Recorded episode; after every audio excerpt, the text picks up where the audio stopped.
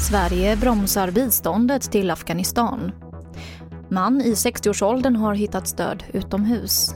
Och dubbelt så många fordon har fått körförbud i år jämfört med ett normalt år.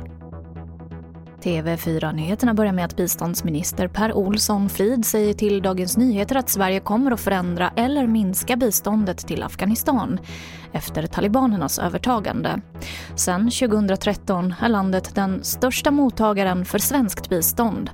Men ministern menar att det är omöjligt att fortsätta det då stödet riskerar att hamna i händerna på talibanstyret. En man i 60-årsåldern har hittats död i Frövi i Lindesbergs kommun. Han hittades utomhus och polisen kan inte utesluta brott och har därför inlett en förundersökning om mord. Arbetsgivarorganisationen Almega tycker att det i vissa fall vore rimligt att avskeda personer som vägrar att vaccinera sig mot covid-19.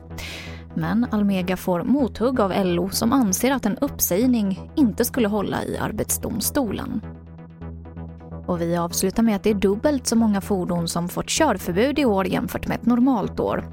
Och det här beror bland annat på ovanligt långa väntetider hos bilbesiktningen efter förra årets uppskov. Vilket innebär att vi då förra sommaren hade ganska lite att göra.